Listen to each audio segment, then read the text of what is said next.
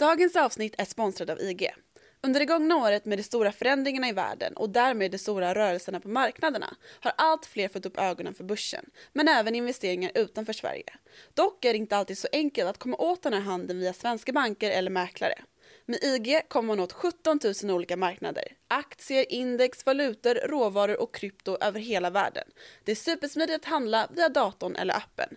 IG är ett kul och bra komplement till det vanliga sparandet där du har chans att hoppa på möjligheten när den dyker upp. Så ta en position med IG. Men kom ihåg att handel med finansiella instrument alltid innebär risker.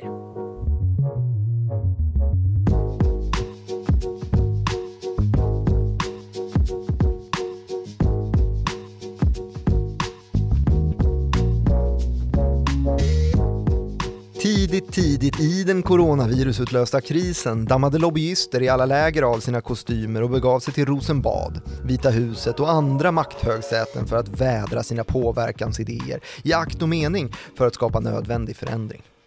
Inte bara för att förkorta krisen och rädda oss från katastrof utan också för att tjäna affärsmässiga intressen.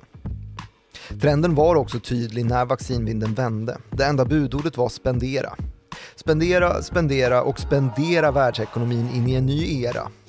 Men varningsropen de dröjde inte om risken för att en överstimulerad ekonomi snabbt förvandlades till en värre plåga än själva pandemin. Det här är Follow the Money, en podcast om makt, storfinans och börsen av med mig, programledare Martin Nilsson och utrikesredaktör Joakim Rönning som i det här avsnittet tar fasta på den katastrof många tror, eller kanske felaktigt förlätts att tro, att vi fortfarande är mitt uppe i. Hallå där Joakim Rönning. Jag hade faktiskt eh, Nordeas chefekonom Annika Winst i studion i morse och pratade om ekonomiska stimulanser. Vet du vad hon sa?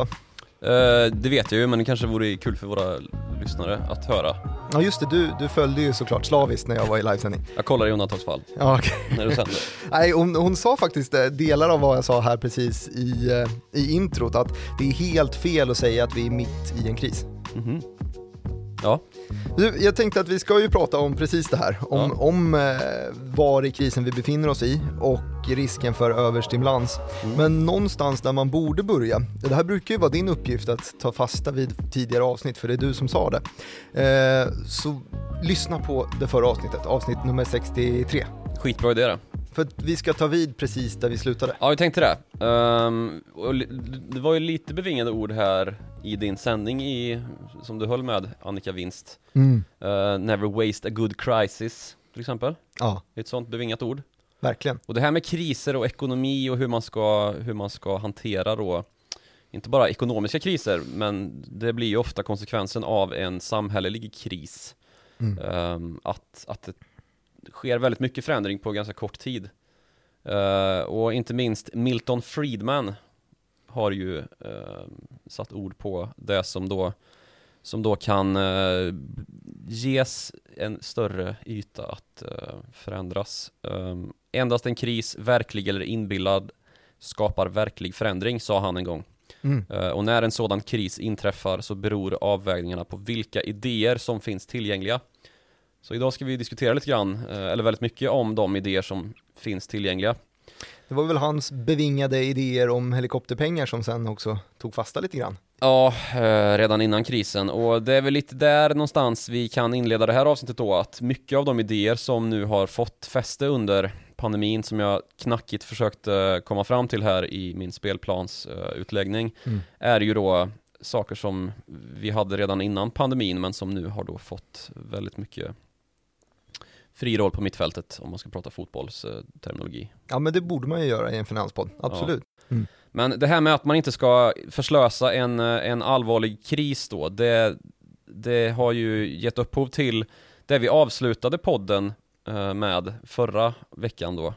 För då snackade vi mycket om, om den amerikanska sidan av det hela. Ja, och vi pratade om Naomi Klein. Just det. Om du ursäktar att jag bryter in. Ja, det, det ursäktar jag inte, men nu har du gjort det, så ja. fortsätt. Men eh, då katastrofkapitalismen, eh, som ju hon bidrog till att popularisera den termen efter Paul Krugman, som väl egentligen var instiftaren av den. Och det här med chockdoktrin då.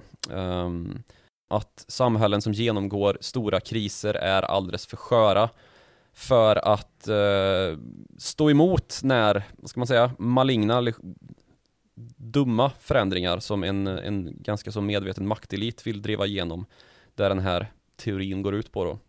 Det är liksom under kris som man är mest, mest på, på tårna, men kanske svagast eh, Ja men mest benägen att, att, att gå med på stora förändringar och ofta då Mm. i det här ehm, sammanhanget så har ju det rört sig om avregleringar och inte minst avregleringar av finansmarknader. Mm. Ehm, något som vi då eh, Eh, kan ta fasta på vad gäller både millenniekrisen och 2009-krisen, den stora finanskrisen. Mm, genom att exemplifiera då att man efter 2000, den IT-bubbla som small då, som ju var en, en kris som bestod i en övertro på framtiden och en, en, eh, ett risktagande som var alldeles för stort ändå valde att inte reglera derivatmarknaden, alltså den marknad som i mångt och mycket möjliggör då det här enorma risktagandet. Mm. Och då tänker man, okej, men, eh, och det ledde ju fram till 2009-krisen så att man eh, väl där då i alla fall kunde ta itu med, med den frågan efter att dubbelt upp har fått erfara vad det kunde leda till. Och där tog man ju i alla fall tag i det på något sätt. i alla fall. Ja, men inte tillräckligt då kan man ju konstatera så här i efterdyningarna till Archegos-kollapsen som vi ju pratade om i avsnittet dessförinnan. Så Mm. ja, om man vill sträcka sig tillbaka i podden och inte redan har gjort det så är det ju bara fritt fram och, och mata på. Men eh, ehm, det, det här, det här eh, kategoriserar ju då allt det här som Naomi Klein pratar om. Det vi gjorde efter 2009 var ju egentligen att vi räddade finanssystemet genom att stärka det med skattepengar eller med liksom eh, offentliga medel. Eh, Vi lät inte banker gå i konkurs för att det hade lett till ännu värre efterverkningar då De här klassiska spridningseffekterna Ja, som man är så rädd precis. för. Eh, och nu kan man ju då kanske börja prata om, vi har pratat om chockterapi och katastrofkapitalism, så kan vi väl kanske börja indela det läge där vi står i just nu och kalla det för, vad vet inte, covid-kapitalism eller coronaviruskapitalism eller något sånt. Eh, och titta lite grann på då vad, eh, vad har vi gjort och vad tänker vi göra och spåna lite grann om vad, vad det här kan sluta i egentligen. Mm. Ehm, och om man tar det från början egentligen och, och fokuserar då på, på världsfinansens huvudsäte, USA, eh, och den politik då som ju ändå är ehm, där man genomför stora regelmässiga förändringar, så satt ju Donald Trump på, på makten i ovala rummet Mm. ehm, när, det här, när det här bröt ut. Och då blev det ju väldigt tydligt att det var nästan som att han hade läst chockdoktrinen som ju är en kritik då mot densamma. Eh, Den här teorin är ju för att, vad ska man säga, blottlägga en medveten anstiftan till att faktiskt försvaga samhällen och, och led, leda liksom eh, kapital till de allra rikaste. Det är ju Naomi Kleins liksom, syfte med den här boken, chockdoktrinen. Mm. Det var som att Donald Trump hade läst den och tänkt, aha, är det så man gör? Eh, han är ju då en, en hotell och fastighetskung i grunden. Och det var ju den första sektor han såg till att eh, rikta stöd mot ju. Ehm, och Donald Trump vann ju inte valet kan vi konstatera. Och nu istället då så har man en helt demokratledd politisk ehm, nationell församling i, i Washington med både Vita huset och eh, båda kamrarna. Men så, så vad menar du vad det var för, för idéer som, eh, som Trump tryckte igenom som eh, där Nej, men drog att han- av chockdoktrinen?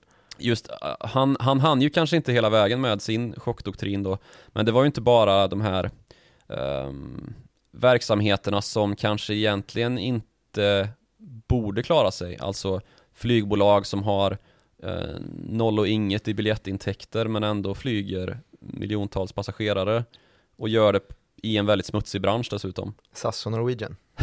Ja.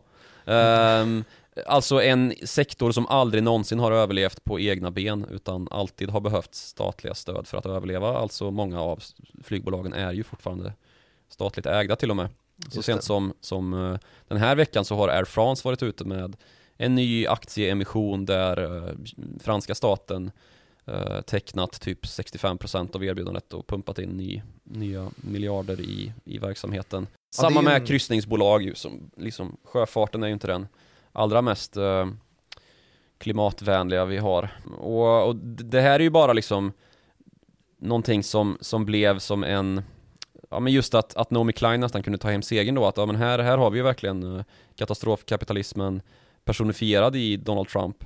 Men sen så hade vi också den här cyniska hållningen gentemot kolindustrin till exempel som ju faktiskt var eh, aktuell redan innan coronaviruset men som fick ytterligare stöd då för att man skulle rädda eh, kolsektorn som ju är den smutsigaste som finns egentligen eh, i klimatväg. Och att man då istället borde fokusera på motsatsen då att, att satsa på tekniker som är gröna och särskilt då när man ska bygga om ekonomin som ju ett sånt här katastrofläge ger möjlighet för. Så, så där någonstans eh, kan man väl föra den tankeloopen i mål. Mm. Men det här, det här rimmar ju väldigt mycket i, i vad den kritiken som då eh, Nordeas chefekonom Annika Winst uttalade idag under intervjun så var det väldigt mycket om just det här att det döljer sig lobbyism bakom de politiska tankarna. Man kallar det för ett krispaket, men och så i hennes ord då var det, sa hon att ja, jo, men det är typ i Sveriges del i alla fall 3-4% av BNP som verkligen är i kris. Alltså just de här restaurangerna, turismen, eh, hotellen och så vidare. Det är de som behöver de här stöden, men det är ofta om man synar paketen så är det branscher som går som går väldigt bra som också tar del av dem. Och det är de då som man måste lyckas sålla bort för att göra det till ett effektivt paket, eh, krispaket och inte bara ett, ett eh, lobbyat eh, stödpaket som, som andra drar nytta av och som trycker upp värderingar eller mm. vad det nu kan göra. Ja, men problemet då med att man stimulerar brett då på det här viset som, som Annika Winst vänder sig emot är ju då att vi skapar en tröghet i ekonomin genom att konkurrensen inte blir väsentlig, lika väsentlig längre. Mm -hmm. Utan att alla då får stöd nog att klara sig och då får man de så kallade zombiebolagen på halsen. För jag fick en, en liten statistiksiffra jag läste på om det var, ja Ekonomifakta tror ja. jag det var som gick ut med, eh, eller de, de följer ju bara statistik. På tal om lobbyister så är det På tal om, på tal om lobbyister så blir det källan Ekonomifakta här, då får man väl granska det om det stämmer eller inte, men de hade i alla fall kollat på antalet konkurser eh, i Sverige och det känns ju som en, en svår manipulerad siffra i alla fall, men det var i linje med eh, antalet konkurser 2019 som det var 2020. Så då betyder det i alla fall att även om det har varit breda stödpaket så verkar man i alla fall ha träffat, träffat lika rätt, för att om man kollar konkursmässigt så har det varit ett likadant år som ett icke pandemidrabbat år. Mm. Eh, och det leder väl i alla fall tesen in till just det här zombieföretagsskapandet. För ja. det betyder ju i alla fall att det är sannolikt att ja, bolag som ska överleva har överlevt, men det är också sannolikt att bolag som kanske inte borde ha överlevt nu har överlevt och alltså är eh, enligt definitionen ett zombieföretag. Ja, precis det är ju problematiskt och det skapar ju då alltså, tröghet i ekonomin just att eh, konkurrensen inte blir lika väsentlig. Mm. Um, och det här drabbar ju ekonomier på bred front uh, om, vi, om det blir ett utbrett fenomen. Och det har det ju blivit i, i många delar av världsekonomin i historien. Mm. Jag vet inte om vi ska behöva gå in på något specifikt känner... case, men det är ju bara att jag tycker att ett jäkligt tydligt, och det är inte direkt, men nu har vi snackat väldigt mycket finanspolitiskt ju om den typen av eh, när vi har snackat krisstödspaket, men det finns ju också den penningpolitiska stödsidan, mm. eh, den här sidan då som kan sänka räntor och när man inte längre sänker räntor så köper man ju, stödköper man ju statsobligationer. Och när man inte kan det så blir man finansdepartement Ja, ungefär, för då köper man ju då istället, i Sverige har det sett ut så att man köper bostadsobligationer eller företagsobligationer, så ser det ut i, i, i USA och i, eh, i EU också. Men det roliga här, eller det, det spännande här, eh, som exemplifierar det du nämner här med att det blir en snedfördelad eh, konkurrens, det är ju just den här grejen att eh, företagsobligationer, när man när man annonserar att man ska göra företagsobligationsköp så annonserar man då vilka typer av företagsobligationer man ska köpa. Eh, och då brukar man dra en gräns vid, ja men det gäller då alltså företag i den eh, lägre riskskalan, alltså de företagen med lite högre kreditbetyg. Så man sätter ofta en gräns att, ah, jo men det ska vara över triple B-ratad eh, eh, kreditvärdighet för att jag ska eh, tillåtas köpa det här från centralbankssidans håll. Eh, så sätter man det då från, säg Europeiska centralbanken och så väljer man att stödköpa alla företagsobligationer som har den här ratingen och över. Eh, så kanske man köper eh, Volkswagen om det visar sig att de uppfyller kraven. Har inte jag koll på företagsobligationssidan men jag kan tänka mig det. Så då köper man en stor portion dem. Och vad händer där då? Jo, det betyder att Volkswagen får billigare finansiering än vad de annars hade haft. För de ställer ju ut sina företagsobligationer och hoppas att de här ska bli fyllda och då när centralbanken, ECB, trycker nya pengar för att eh, ger de det här lånet då får de ju billigare lån såklart för de trycker ner räntan. Det är ju så en marknad fungerar. Men det som är spridningseffekten i det hela det är ju att du sneglar över på Volkswagens konkurrenter nu då istället. Då kanske du kollar på eh, Volvo eller i alla fall person, person, personbilsidan av Volvo, eller, eller lastbilssidan för den delen också, Volkswagen gör både och. Eh, de uppfyller inte kravet att bli få finansiering av ECB, för de, till, de tillhör inte EMU-området. Eh, men de blir påverkade av det för att helt plötsligt har deras konkurrent, konkurrent Volkswagen fått billigare lån än vad de annars hade haft. Kan investera och utveckla mycket coolare bilar och lastbilar och så. Exakt, de, plötsligt så blir Volkswagen väldigt mycket lönsammare än Volvo och det här sätter då press på att Riksbanken ska göra precis samma typ av sak och finansiera deras företagslån också. Så att även om man tänker att det bara ska vara en liten sån här en krisåtgärd och man måste pumpa in pengar i systemet så gör man det inte Gör man det på en lokal marknad, en avgränsad marknad på företag som är verksamma på en global marknad, det är då man snedvrider hela konkurrensen. Ja, och det här speglar ju lite grann, alltså det här är ju bara på eh, bilsidan du tar upp som exempel nu. Det finns ju ännu tydligare exempel kanske att dra på, på fastighetsmarknadssidan där vi har ett, eh, som sagt, ännu tidigare insatta stödåtgärder för att köpa fastighetsobligationer ju. Mm. Eh, men om vi, om vi stannar kvar i centralbanksvärlden så kan väl det här spegla lite grann den diskussion som har förts sedan pandemin och som vi har varit inne på ganska mycket det här med att fokus nu kommer skifta från, finans, äh, från penningpolitik till finanspolitik. Mm. och då har man ju kanske tänkt så här, aha, då är det Magdalena Andersson och inte Stefan Ingves som dikterar äh, villkoren för vart ekonomin är på väg. Mm.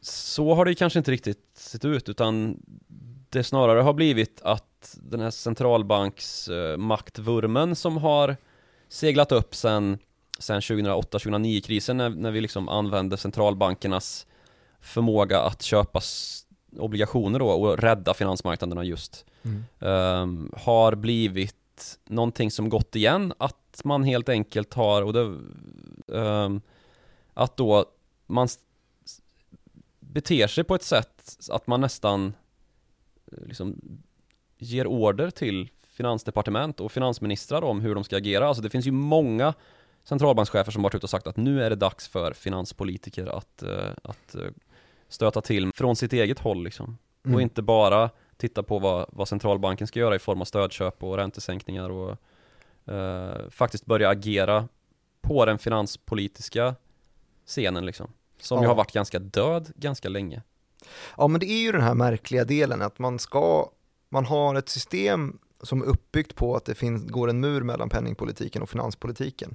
Men det verkar som att det, har blivit hål i muren eller att den har blivit lite lägre för att plötsligt så sker det ganska mycket kommunikation över gränserna. Det tydligaste, eller det första vi fick var ju till exempel Ingves som i många år sa, hörni nu närmar vi oss en, eh, en bostadsbubbla jag ser tecken på att det, eh, det kanske är dags att göra någonting åt det här. Kanske, säg ett amorteringskrav och sen så vips så fick vi ja. från finanspolitiskt håll ett, ett amorteringskrav.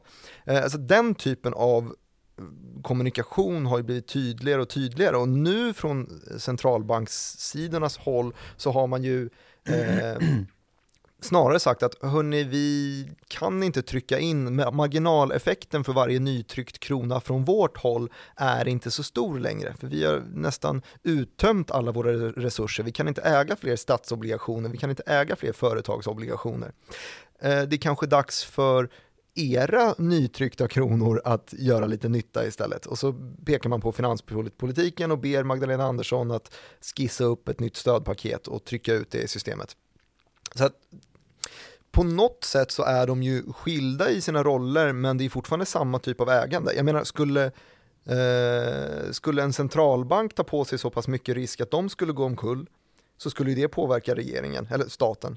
Eh, och på samma sätt om staten skulle gå omkull så skulle ju också eh, en, en centralbank gå omkull. De är ju sammanlänkade. Ja, och i förlängningen en, valuta. Ja men exakt, de, de är ju samma sak, bara att Ja. de, de i politiskt syfte inte får, de måste vara skilda så att de inte ska kunna missbrukas. Ja, och det, det, det är ju alltid väldigt mycket uppmärksamhet kring att en politiker tassar in på penningpolitikområdet men absolut inte lika mycket när eh, Stefan Ingves beställer ett amorteringskrav. Nej, Eh, och det kan ju i förlängningen också bli problematiskt ju. Eh, för det är ju alltså central, om man har en centralbank som styr över en stat eller den finanspolitiska delen som ju är ja, just politik Mm. eh, och, och ska vara styrd av en folkvald och inte en teknokrat som det ju blir i form av då en, en, en centralbankschef. Så ja, då blir det ju kanske lite svajigt att kalla det för eh, demokrati. ja, ja det blir det väl till slut. Ehm, ja. Men i alla fall så har ju alla de här, om vi ska liksom fokusera lite grann på, på vad man har gjort utöver då de här eh, interventionerna via obligationsmarknader och fiskala stöd till bolag då som har kanske skapat en del zombieföretag, vilket man väl också har varit ganska så medveten om. Så har vi också haft de här, eh, i USA i alla fall och i vissa andra länder också, checkarna som har skickat ut. Mm. Det har vi också ordat om en del. Och jag satte mig och gjorde en liten beräkning på det här, hur, hur mycket um, checkar man har skickat ut egentligen. Mm. Och då var det då i slutet på förra året så skickade USAs regering ut ett stödpaket värt 900 miljarder dollar till amerikanska befolkningen. Checkar i brevlådan till folk som har varit Yes. verksamma i landet. Mm. Eh, och sen då här i början på året, ganska nyligen, så skickades ytterligare ett paket ut värt 1900 miljarder dollar. Mhm. Och till det här då så kan man också lägga att amerikanerna trots då eh, ett lönetapp från ökad arbetslöshet under fjolåret har sparat mycket mer än vad man brukar göra eftersom att man inte har kunnat gå på restaurang och gå i affärer och så här. Just det, man har sett att sparkvoten har Sparkvoten har ökat. ordentligt. Ja. enormt. Så vad ska man säga, den uppdämda efterfrågan då som, eller jag vet inte om man kan kalla den uppdämd efterfrågan men eh, de uteblivna inköpen har lett till en besparingseffekt som är positiv 2000 miljarder dollar. Uppdämd stimulans vet jag att Ja, det är bra, en bra term. det Mhm. Så det, det är alltså pengar man brukar bränna men som, som legat kvar på konton och i madrasser när restauranger och butiker och hotell och kryssningsbolag har hållit stängt. Och så kan vi titta på då hur mycket det här hålet i eh, förtjänst har varit då för de amerikanska arbetarna. Vad menar du då? Alltså de löner som har brunnit inne på grund av att folk har blivit arbetslösa i en, som en direkt följd av pandemin. Just det, de negativa effekterna på, på realekonomin Mm. av pandemin. Och i början på 2021 här så, så är den rådande prognosen att pandemin kommer riva ett hål i, om man liknar den amerikanska liksom, lönebasen vid ett, lapp, ett täcke, Mhm. så har man rivit ur en lapp ur det täcket Mhm. på omkring då 250 till 300 miljarder dollar. Så att 250 till 300 miljarder dollar av BNP uteblir på grund av pandemin? Ja, av, av, nej, av, Nej, av arbetstagarnas inkomster, av de amerikanska hushållens inkomster. okej. Eh, och de amerikanska hushållen då har i sin tur fått 200, eh, 2800 miljarder dollar och har ett, eh, ett ökat sparande på 2000 miljarder dollar. Så att de har blivit återgäldade tiofaldigt. gånger. Ja, precis. Mer än tio gånger. Så att det ligger just nu i systemet ett, ett uppdämda stimulanser motsvarande. Jo men alltså jag menar bara att det här går ju inte ihop liksom. Hur, hur har det här gått till? Hur har man fattat de här besluten? Mm. Hur har det blivit så här stort? Det är ju en, eh, en politisk fråga som, som eh, det dryftats alldeles för lite. Och alltså om man summerar ett hål på 250 till 300 miljarder dollar som har tätats igen med 2800 miljarder dollar i direkta stimulanser och där det dessutom ligger 2000 miljarder dollar i, i uppdämda besparingar. Hur man har motiverat det här. Ja. ja. Nej, jag tror att motivationen var väl eh, rädda allt, blås på för fan. Mm, precis. Ehm, det är ju... Så enkelt kan man ju inte göra det liksom. Och det är ju den kritik som kommer nu. och den allra mest prominenta av dem kanske, inte allra mest, men en av de allra mest prominenta och som har varit allra mest högljudd den senaste tiden är ju Larry Summers. Eh, som var då finansminister under en period i Clinton-administrationen och, och senare också har varit rådgivare åt Obama-administrationen, bland annat just under 2009. Mm. Och han i en, han har varit i en radda ganska så uppmärksammade sammanhang där han då risar det här, um, de här breda stöden för att vara just alldeles för stora mm. uh, och alldeles för oriktade. Och han tar då upp hur man gjorde 2009, alltså den här kritiserade hanteringen av finanskrisen där man inte uh, skred till verket och gjorde de här stora strukturåtgärderna, för det är ju strukturåtgärder man efterlyser egentligen när man pratar om då Eh, att, att, ta sig upp ur en kris på, på ett vettigt sätt, att utnyttja krisen då för att göra strukturomläggningar, alltså åtgärda sånt som inte funkar i samhället, till exempel finanssystemet 2009. Just det, så tanken är, grundtanken som då också kommer från, eh, eller belyses av Naomi Klein, är ju då att man, när man är i en kris och korthuset har fallerat, ja. när man ska bygga upp det igen då så ska man bygga det på ett sånt sätt där Eh, Eh, så att det är stabilare än vad det såg ut förra gången. Man ska inte bara kasta tre, fyra, fem kortlekar på det tills det når samma höjd som det var förut. det är en bra beskrivning. Och Larry Summers är ju alltså den före detta finansministern under Clinton och eh, rådgivaren under Obama-åren. Han är väldigt självkritisk till hur man hanterade det här då och att han då såg till att Uh, det, alltså utöver då att vara, det finns en nationell ekonomisk rådgivare och så finns det ett, ett råd också. Uh, och rådet i sig som består av flera ekonomer, la ett förslag då på att man skulle pumpa ut 1200 miljarder dollar i fiskala stöd. Mm. Det landade väl på typ lite knappt hälften av det när, eh, innan, innan det liksom nådde eh, skrivbordet i ovala rummet och Obamas penna. Men han är då väldigt kritisk till att man inte skrev till verket med ett större paket och att man gjorde det här eh, riktat. Men han hävdar fortfarande att vi gjorde ändå, den stora skillnaden är att det var mycket mer riktat. Vi tog tag i en del eh, liksom väldigt besvärande frågor, men vi missade det här med, eh, återigen det här med derivatmarknaden, trots att vi gjorde Dodd-Frank, eh, det här regelverket då, mm. för hur man ska få ner risken i det finansiella systemet och vem som får betta hur mycket liksom ungefär. Men som sagt, han är självkritisk. Bara så att jag förstår det här rätt nu, så Larry Summers var lite kritisk till att det förra paketet där han satt med ja. och hade en röst i det hela 2009 var, var för litet. Det var för litet. Men, men nu är han kritisk till vad då? Att det är för stort? Ja, att det är för stort och att det inte är tillräckligt riktat. Kan man eh, nöja han, sig någon gång eller? Ja, men alltså han, um, han är ju självkritisk då åt att han, han vidhåller att vi, eller vad ska, ska man säga, han går med på att det borde varit större förra gången. Mm -hmm. Men det här är ju alldeles för stort. Så det han beskriver är ju en pendelrörelse där man har gått från att göra alldeles för lite mm. uh, i den förra krisen till att göra alldeles för mycket. Det är som att det är helt binärt liksom, det finns inga mellanting. Mm. Det finns ingen liksom avvägning i det här.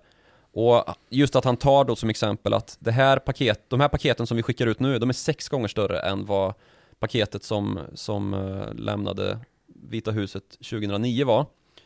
Och dessutom så Eh, gör han en sak av att Visst att man har kritiserat det paketet som, som vi låg bakom då för att vara för litet mm. Men det är ingen någonsin som har lagt fram att vi skulle ha varit Att vi hade behövt vara sex gånger större mm. uh, Så det här är ju helt uh, omättligt stort liksom mm. Och att det dessutom då som sagt inte är tillräckligt riktat Man har liksom inte bestämt sig för vad är det man vill fixa då utan det är väldigt stora strukturåtgärder bara. Man ska fixa allt. Och det han menar att man riskerar att gå in i då är ju att man bara befäster redan rådande ojämlikheter och problem som finns i det amerikanska samhället. Mm. Och där har vi ju precis haft en, eh, vad ska man säga, en enorm protesthöst bakom oss ju med Black Lives Matter. Vi hade en invasion av Kapitolium. Mm. Eh, polariseringen i det amerikanska samhället är jättestor, alltså större än på, väl, alltså på en generation. Och vi har um, en väldigt liksom hetsk debatt även hela vägen in i Vita huset och, och de politiska församlingarna som som, har, alltså, som väl Joe Biden nu försöker liksom råda bot på men som uh, varit infekterad under en väldigt lång tid och kongressen har dessutom en väldigt låg eh, väldigt låga förtroendetal i opinionsmätningarna. Mm. Så den här helomvändningen nu då från att stimulera alldeles för lite på fiskala sidan, alltså med skattepolitik, till att stimulera allt, eh, allt man någonsin kommer åt. Dessutom efter att man har förlitat sig på centralbankerna som har uttömt i princip sina möjligheter att rädda så mycket mer.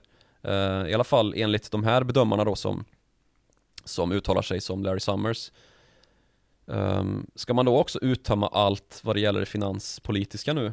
Vad har vi då att röra oss med när det smäller nästa gång? Um, det är ju Klassiska diskussionen, det var ju den diskussionen som fördes Ja. 2018-19 innan det smällde. Ja.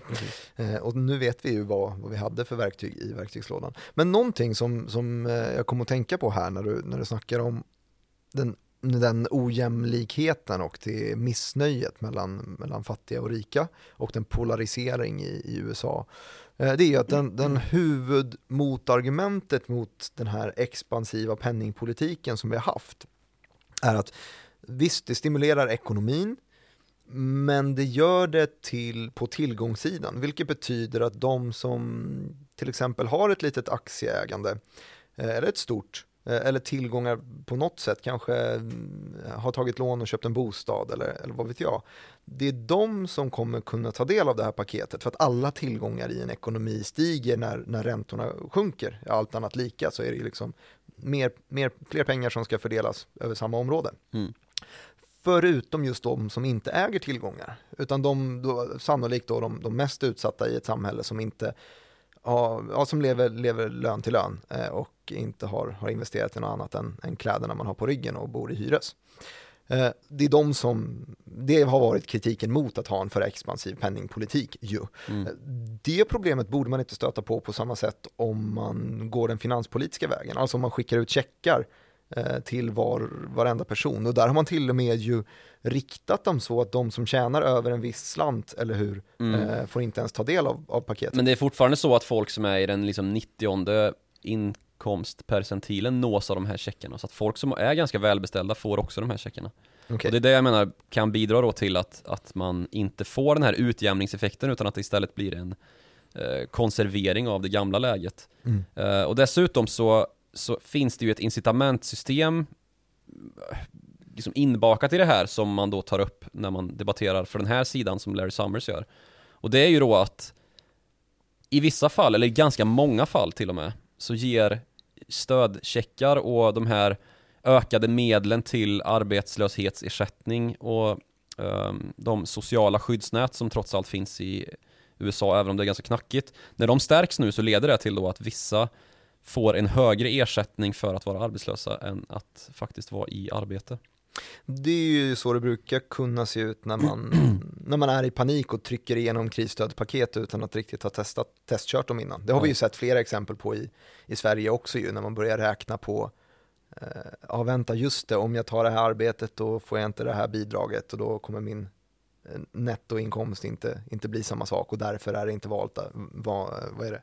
Därför är det inte värt att, att arbeta och så vidare. Nej, precis. Eh, så brukar det ofta se ut när paket är alldeles nya, eller hur? Mm. Ehm, och sen så har vi ju det här med den, den, ut, den numer uttjatade frågan om inflation som är det enda folk pratar om i makroekonomin. Ja, vart, vart är den? Nej men ehm, just nu så det, det kom på tisdagen här in amerikanska uh, kopior och de var lite högre än väntat. Strunt samma, inte så jätteintressant ändå. Mhm. Men eh, Alltså på kort sikt då, men på lite längre sikt då så, så är i alla fall det här Någonting som Larry Summers eh, snöar in på Mm. Och med gott fog dessutom ju För nu de här stödpaketen, ska de bidra med inflation eller inte? Eh, han, som han ser det så finns det tre alternativ här Mhm. Och de är alla tre ungefär lika troliga Mhm. Två av dem är negativa, väldigt negativa och en är positiv och den positiva då är att vi nu kommer se en snabb tillväxt och vi kommer inte få någon inflation. det, är, det är vad man får hoppas på då. Mm. För alternativ två är stagflation det japanska Just exemplet. Stagflation får vi också då eh, kort berätta att det är ju när inflationen är hög men arbetslösheten är också hög Ja. samtidigt vilket betyder att en del av ekonomin vill att du stimulerar den hårdare, de som vill sätta sig i arbete och en del i ekonomin vill att du ska strama åt ekonomin, eh, alltså eh, Höja räntan. höja räntan eh, och eftersom att de här två delarna rör sig åt olika håll så är stagflation någonting som är oerhört problematiskt att reda bot på. Precis. Ehm, och det tredje alternativet då är en snabb tillväxt som är så snabb att den ehm, bidrar till då en markant högre inflation som blir så het att Federal Reserve måste agera. Mm. Och det som händer då är ju att man eh, försätter ekonomin i en eh, recession. Att man höjer räntorna så pass mycket att, Ja. att man måste broms, nöd, dra i nödbromsen i allting helt Precis. enkelt. Ja, det var, ju, det var ju en dyster snubbe. Ja, han är ganska Lawrence dyster Summers. Eh, och självkritisk och allt vad det kan sägas vara. Och man kan väl kanske misstänka att han är lite bitter också. För Ja. han, eh, han blev ju inte varken finansminister eller, han, jag tror han drog sig ur en del sådana här nomineringar också, för han är ju alltid en som förs på tal. Mm. Men nu har han ett ganska så bastant motstånd då i och med att det demokratiska partiet har blivit ganska så brett med personer som Bernie Sanders ju, som, som har väldigt, eh, ska man säga, stort stöd bland väljarna Mm. och eh, även andra liberala, mer liberala demokrater då som, som inte tycker att hans lite mer, vad ska man säga, center-höger idéer är välkomna längre. Eh, Han har haft sina chanser Mm. ehm, och så.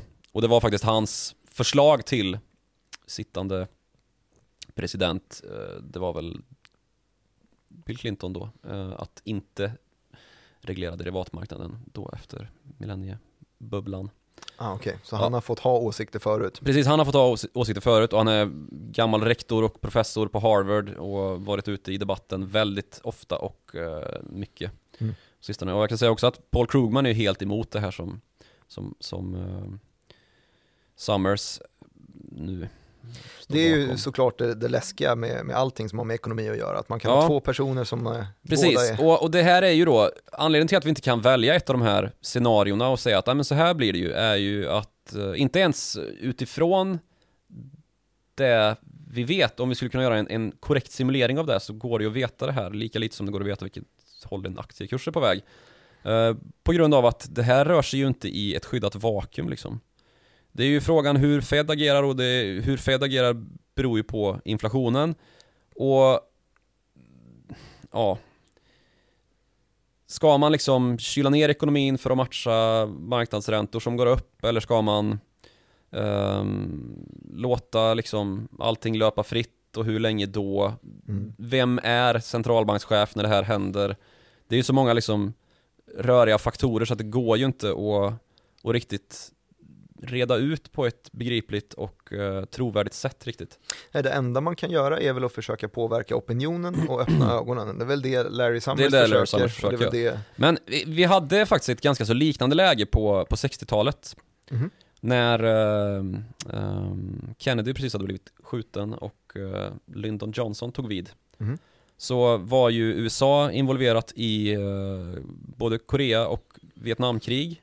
Hade behov av att ta underskott och stimulera ekonomin med hjälp av eh, offentliga medel. Um, vad hette det här programmet? Guns and butter tror jag. Alltså Mhm. smör, och, smör och vapen Jaha. skulle man ha. Så ehm, då satte man igång då en, ett offentligt stödprogram eh, för att möjliggöra att vinna krig och försörja befolkningen med smör. Mhm. Ehm, men det här funkade ju inte. Ehm, det blev istället då att man fick motstånd från just Federal Reserve och eh, den dåvarande Fed-chefen som eh, hette Arthur Burns och som inte riktigt var på samma, samma plan som, som Lyndon Johnson då i fråga om eh, att motverka inflationen som kom. Mm. Och dessutom så eldades den här inflationen på duktigt av att man drabbades av två oljekriser under 70-talet där ju. Mm. Och det här satte ju eh, kursen liksom för eh, ett väldigt turbulent årtionde. Ehm, med, eh, ska man säga, en cirkus Som eh, startade då karusellen på samma sätt som det ju gör på, på, på nöjesfält. Att det står en varnings, liksom, skylt att vi stannar bara för tekniska fel. Eh, och att gråta är inte ett tekniskt fel. typ. Så att eh, katastrofkarusellen satte igång och det stannade inte förrän Reaganomics tryckte på tekniskt, eh, eller skapade ett tekniskt stopp.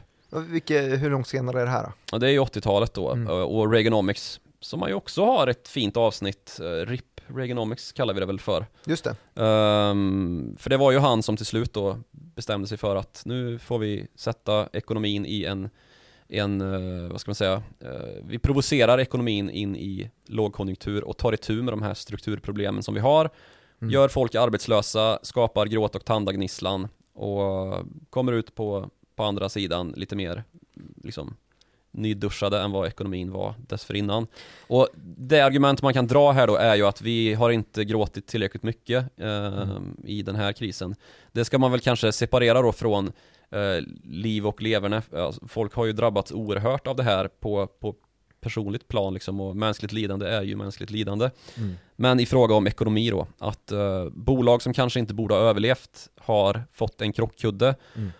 och Ehm, vissa, ska man säga, medborgare har ju kanske inte bara fått en luftkudde att landa på utan man har helt enkelt fått liksom byta kudde permanent och Ja men det är det här som leder har en till... dunkudde i näsan nu som man inte är så sugen på att byta ut mot den gamla man hade. Det här är ju det som, eh, som Morgan Johansson var jättearg på där. Den, den Morgan Johanssonska paradoxen på att hur kan aktiemarknaden slå nya rekord när vi är mitt i en kris? Han använder ju de orden då eh, Mm. såklart. Eh, och- och det är ju just det det handlar om.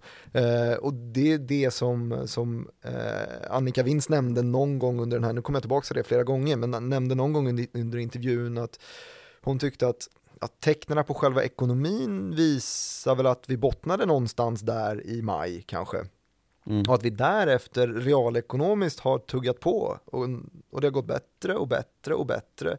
Och eh, ekonomin är ganska framåtblickande så att man ser att det finns eh, ekonomi, eller det, det finns vaccin i slutet på den där tunneln ändå, eh, vilket gör att man vågar göra lite investeringar och så vidare. Och det är det som syns på aktiemarknaden som ju nu är Ja, men det är ju nya all time high nivåer varje vecka har det varit senaste veckorna. Vi är ju långt över toppen innan pandemin om vi kollar på OMXS30 till exempel. Eh, Så det är ju väldigt många bolag som mår otroligt bra just nu. Och sen så finns det de här eh, de här 3-4 procenten av BNP som mår väldigt, väldigt dåligt. Ja, precis. Och, men, men det har ju, alltså vad ska man säga, hela den här, eh, miss, det här missförståndet är ju då att vi är mitt i pandemin och att vi har, att allt alla bolag mår lika dåligt som hotellbolag, alltså alla, alla mår lika dåligt som Scandic. Mm. Så är det ju inte. Nej, alltså de som Atlas. Copco mår ju toppen, till exempel. Ja, jag tänkte på fastighetsbolagen. Alltså vi, Ja, de- Det nämnde de förut, men, Ja. men alltså bara den här delen med att okej, så de som är som, som är fastighetsbolagens kunder, det är de som lider här. Det är ju, det är ju restauranger som köper in, som hyr in sig hos, hos fastigheten, restauranger och butiker och så vidare. Alltså som Atrium Ljungberg eller vad som helst som äger Huvudstadens liksom, alla kontorskunder ja, men, ja, i centrala Stockholm. Absolut. Deras butiker har det ju kärvt. Det är de som ska ha eh, stöden. Mm. Men stimulanserna vi har sett, de har ju gått rakt in i dels eh, lägre räntor och stödköp på fastighetsobligationssidan och på företagsobligationssidan. Eh, fastighetsbolagen, det är de typ mest kapitalintensiva bolagen vi har, alltså de som verkligen tjänar väldigt mycket pengar per marginalsänkt ränta.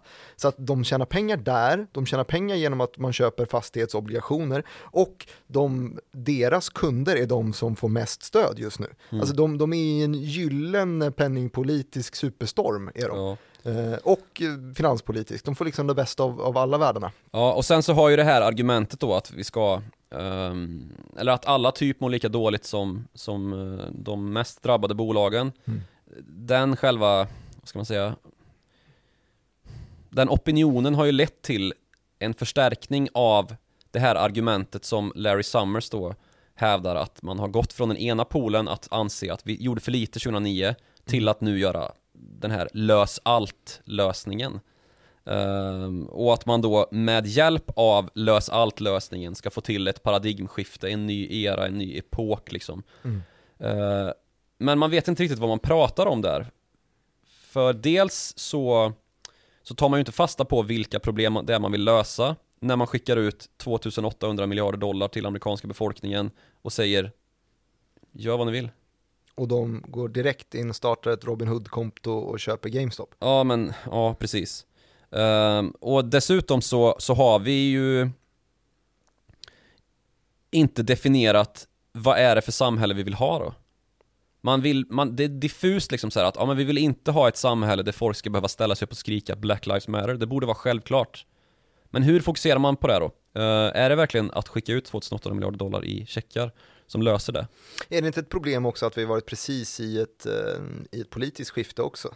Jo, precis. Det är klart att det är det. Och det är ju dessutom väldigt betydande då den här uh, omröstningen i Georgia där det liksom föll till Demokraternas favör. Mm. Och, och att de då fick den fulla makten.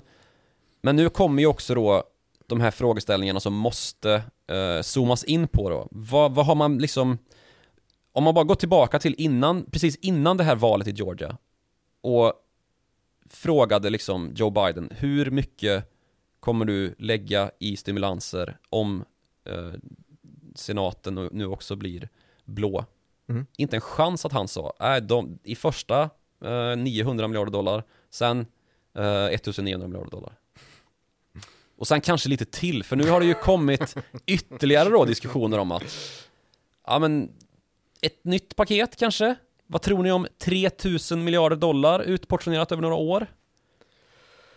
Så Ja. det är ju inte bara de här 2800 miljarder dollarna utan det är ju ytterligare då nästan lika mycket som nu diskuteras och som man ju faktiskt har ehm, fog för att diskutera på ett sätt som att det kanske är möjligt. Nej, det kanske går igenom. Ja, Men då menar du att befolkningen har inte gråtit tillräckligt? nej det blir ju, det blir ju liksom eh, USA blir ju ett curlingsamhälle liksom. Och det här kommer ju också då in en, den här tanken om att man bör förstatliga en del. För att man ska ju finansiera alla de här ehm, paketen på något sätt. Och nu har ju de första då varit på, eh, ja, men med, på nytryckt väg. Mm. Men nu kommer ju också diskussionen då som vi pratade om i förra avsnittet på infla, in, infrastrukturpaketet här. Eh, när man drev upp, liksom har som förslag att driva upp bolagsskatten från 21 till 28 procent. Det är en stor intäktskälla då för Ja, precis. Och ska man lyckas då med ytterligare sådana här paket och redan ha liksom tagit tjuren vid hornen och börjat titta på vad kan vi göra skattemässigt så är det ju ganska så rimligt att man kommer fortsätta med det också. Ehm, särskilt i ett senare läge då när vi ser att ja, men det kanske inte blev så illa. Ehm, det kostade ofantligt mycket i människoliv men ekonomin har ju klarat sig ganska bra. Um, och man kan börja just titta på skattesidan då. Det det leder till i förlängningen är ju dels då att man um, eller först och främst att man på myndighetsbevåg liksom gör ingrepp i medborgarnas friheter och det är ju inte helt enkelt i USA, i en USA-kontext. Att liksom expandera staten och Du menar att man försätter sig i en position där man måste expandera staten? ja, för att det här ska funka så måste man ju i princip det. Ehm, till slut när liksom de penningpolitiska abrovincherna är färdig, Just det, för att kontinuerligt kunna stimulera på den finanspolitiska sidan så, så måste du någon kanal att göra det igenom. Och då Ja, är det rimligt att man, man gör det genom att förstora den offentliga sektorn. Om man inte är MMT-are deluxe liksom. Just det. Ehm, och det är ju i alla fall inte Larry Summers. Eh, som sagt, han är ju en, en hög, högerdemokrat. Ehm, men då kan vi ju också, på tal om pendelrörelser då, se att den här pendelrörelsen mot stimulanser, som Mm. tog slut med, eh, vad ska man säga, Lyndon Johnson. ehm, när det liksom, det blev ju katastrofalt för Demokraterna. Och sen kom Reagan och tog tillbaka rep- republikansk ehm, taktpinne. Minskade staten något ohyggligt. Mm. Eh, privatiseringsvågen sköljde över hela västvärldens ekonomier egentligen. Mm. Vi såg ju spår av det även i, i Sverige och inte minst då i, i Storbritannien såklart med Thatcher. Mm. Som vi också pratade om då i, den här, i det här förra, för, för, förra, eller något avsnittet om Reaganomics. Och att man nu då kanske i eh, covid-kapitalismens tidevarv börjar röra sig tillbaka då mot större offentlig sektor, högre skatter eh, och ett statligt riskövertagande. För det är ju det man pratar om egentligen, eller det, det är det man bör prata om egentligen när man pratar om ehm, Ja, vad stödpaket är Ja för precis, alltså trenden då mot eh, större offentliga utgifter. någonting. Mm. Och som sagt, det är inte helt enkelt att prata om det här i USA-termer eh, eftersom att USA är redan så pass polariserat som det är. Och om man nu också då får en effekt av det, de här stödpaketen som nu har betalats ut, man kanske inte ska dra alldeles för stort på det, men det är också de största stödpaket som någonsin har betalats ut Mm. någonstans. Eh, att man befäster redan existerande polarisering, Mm. då är det ju upplagt för en ytterst turbulent tid för eh, det amerikanska samhället.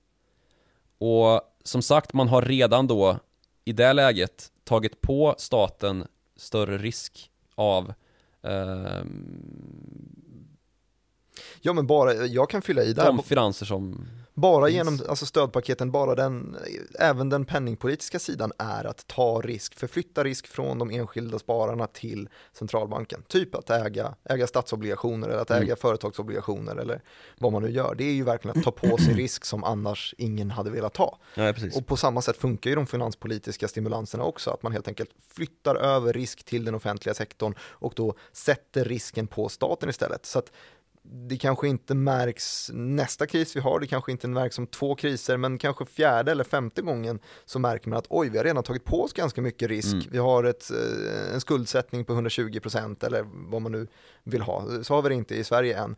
Eh, Men det, liksom, det gör ju hela det här korthuset högre och högre och högre i alla fall. Mm. Men det är samma bredd på botten. Eh, Vilket gör att förr eller senare så kommer det vackla och då faller det ju hela vägen till botten. Och det är Ja. då man, man då bygger om hela ekonomin i tanken. Ja, och en sak som det har pratats ganska mycket om i fråga om trend, trender under pandemin är ju eh, digitaliseringen ju. Ehm, och den, det går ju snabbt i den branschen, Mhm. digitalisering. Det går ju väldigt fort när man bestämmer sig för att eh, både utveckla saker från bolagens sätt, men också då uppenbarligen när det finns ett behov av att digitalisera, då går det ganska snabbt att göra det. Mm. Även om det också kan vara lite gråt och tandagnisslan när man ska få upp sitt Teams eller Zoom-konto Verkligen. eh, och få det att funka i en större liksom, eh, arbetsplatskontext så, så funkar det ju uppenbarligen. Mm. Eh, och bra mycket bättre nu än vad det gjorde när, vi, när pandemin började. Men en än större trend eh, som är bra mycket långsammare naturligtvis men som har varit ytterst tydlig också är att vi som fria liberala demokratier i väst har varit fruktansvärt underlägsna i fråga om att hantera en pandemi.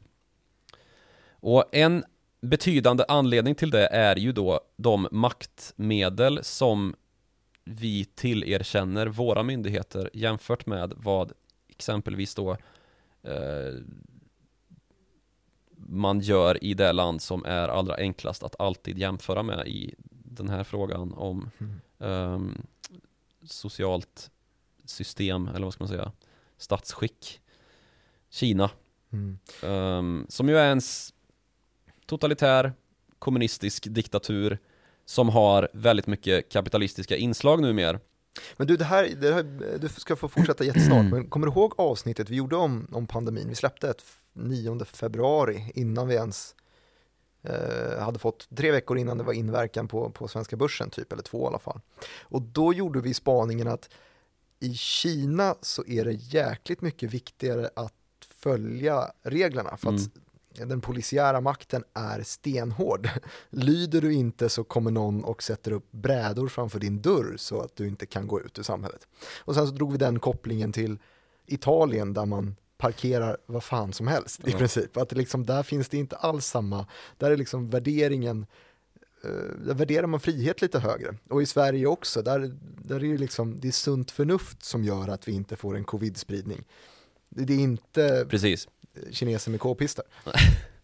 Det är inte, det är inte folkets befrielsearmé som, Som som spikar in dig i ditt hem. Nej, som de ju exakt. faktiskt gjorde där i Xinjiang. Ja, Eller det inte funkar ju, Xinjiang, det i funkar eh, ju väldigt bra. Henan-provinsen där, eh, vad heter Wuhan, Wuhan heter den. just det, staden där det bröt ut. Ehm, men, och den här tanken då att liksom coronaviruset ska vara, ska hota den eh, avreglerade kapitalismen som vi känner den, den, den är ju kanske inte liksom här och nu eh, relevant. Att det kommer ju inte ske imorgon liksom. Nej. Och bara säga, ja men vad då? Kina hanterade coronaviruset bättre än vad vi gjorde. Det behöver inte betyda att vi har allt fel. Nej, men om man är ett utvecklingsland och, och kikar på vilken modell ska vi ta efter? Så, Precis, det är ju så- där det är frågan om då. Och dessutom att vi, att vi eh, som sagt, det är ganska tröga, långsamma trender det här. Men om fyra, fem kriser så kanske vi kan titta tillbaka och säga att ja, det var ju där. Liksom man kunde säga då att Nixon vred om eh, kniven i fråga om att få ordning på stagflationen.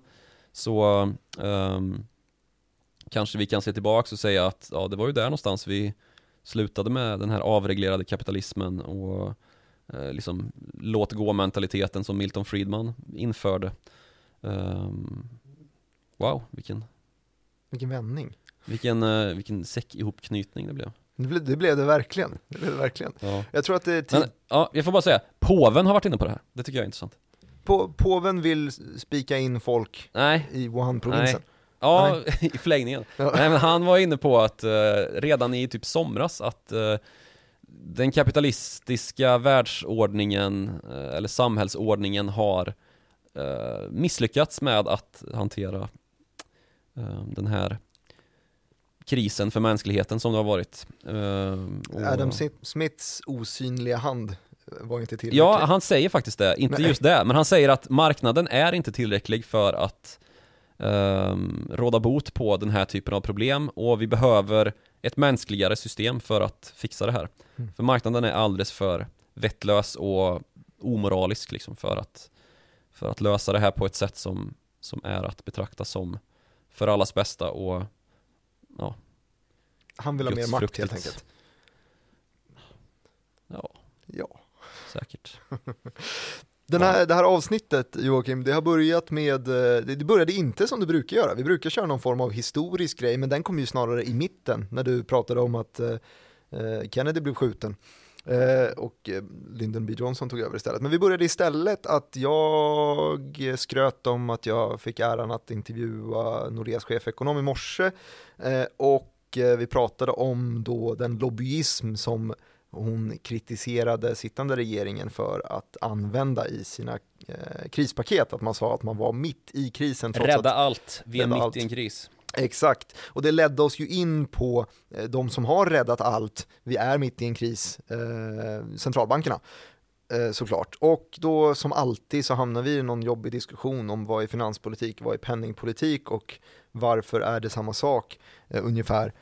Eh, och snackade då om vilka som hade njutit mest av stöden just nu när man räddar allt, när kanske bara det är en, en begränsad del av ekonomin som mår sämst och resten mår ganska okej, så pass okej att man slår nya all time high-rekord på börsen till exempel. Varje dag gör man det. Varje dag gör man det, eh, trots att vi är mitt i en kris. Eh, och vi pratade då om den här blås på mentaliteten, pendeln från 2009 till 2021 som ju är idag. Vi snackade om antalet konkurser, att det var ungefär lika många som, som förra året. Eh, om trenderna, om riskerna, om konsekvenserna och eh, landade i den här spaningen om att det kanske var vändningen nu, eh, slutet på kapitalismen. Och så blir vi ett påvedöme igen. ett påvendöme igen kan det bli. Ah, det vete fan, men det finns i alla fall ett allt större statligt riskövertagande eh, i samhället i samband med krisen. Det började väl då sedan 2009 och sen så har det blivit större större sektor. Ehm, och hur det ska finansieras och hur det ska sluta, det är det bara påven som vet kanske då. Eh, Spåmannen. Ja, Verkligen. Där någonstans landade vi och vi är väl som vanligt väldigt glada att ni har lyssnat på oss idag trots att det har varit ett eh, Rörigt avsnitt. väldigt Det är rörigt. härligt när det är rörigt. Jag tycker också det är härligt för då, det känns äkta då. Ja, det har det varit real. äkta från mitt håll. Ja, mig med. Ja, vad skönt. Eh, tack så mycket för att ni lyssnar, tack så mycket för att ni också tycker att det är äkta och uttrycker det genom att skicka mail till oss på followthemoney@direkt.se eller taggar in snabel direktmartin eller snabel Joakim Ronning i en tweet och säger att vi pratar om konstiga eller roliga saker. Eh, det blir vi också glada för. Eh, kom gärna tillbaks, klicka tumme upp där det går och klicka tumme upp och så hörs vi igen om en vecka.